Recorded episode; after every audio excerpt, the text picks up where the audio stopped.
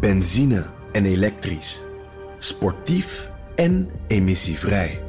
In een Audi plug-in hybride vindt u het allemaal.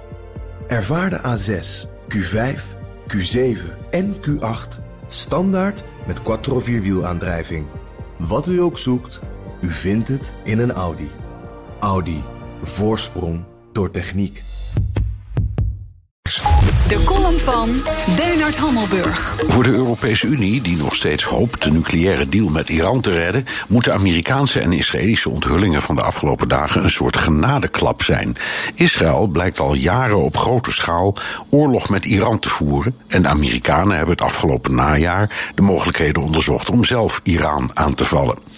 Israël houdt zijn militaire strategie altijd zorgvuldig geheim, maar stafchef Gadi Eisenkot maakte in een afscheidsinterview met de New York Times een uitzondering.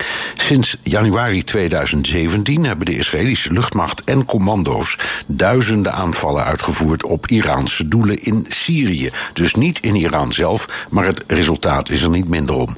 Iran had volgens Eisenkot in Syrië een legermacht van minstens 10.000 man, ook uit Irak, Pakistan en Afghanistan op de been gebracht, met basis langs de grens met Libanon en Israël, plus het zwaar bewapende Hezbollah.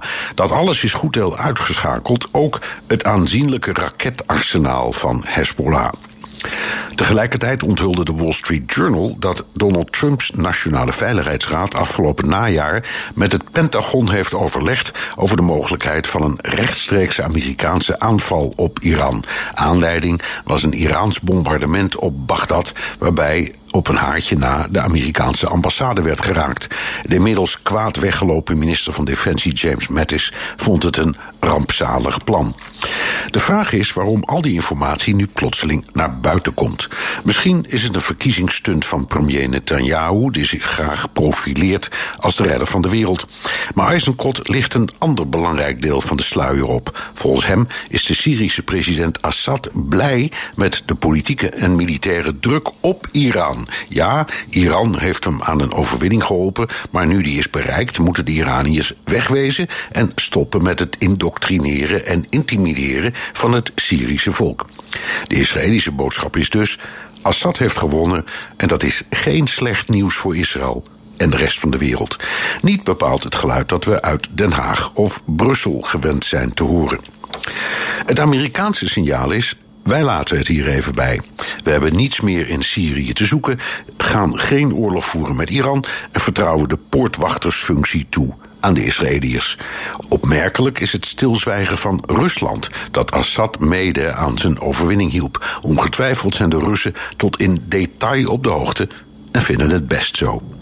De conclusie is dat de belangrijkste partijen niet in Assad, maar in Iran de grootste bedreiging zien. Dat je onder die omstandigheden nog zou kunnen praten over het redden van de nucleaire deal is een pure illusie.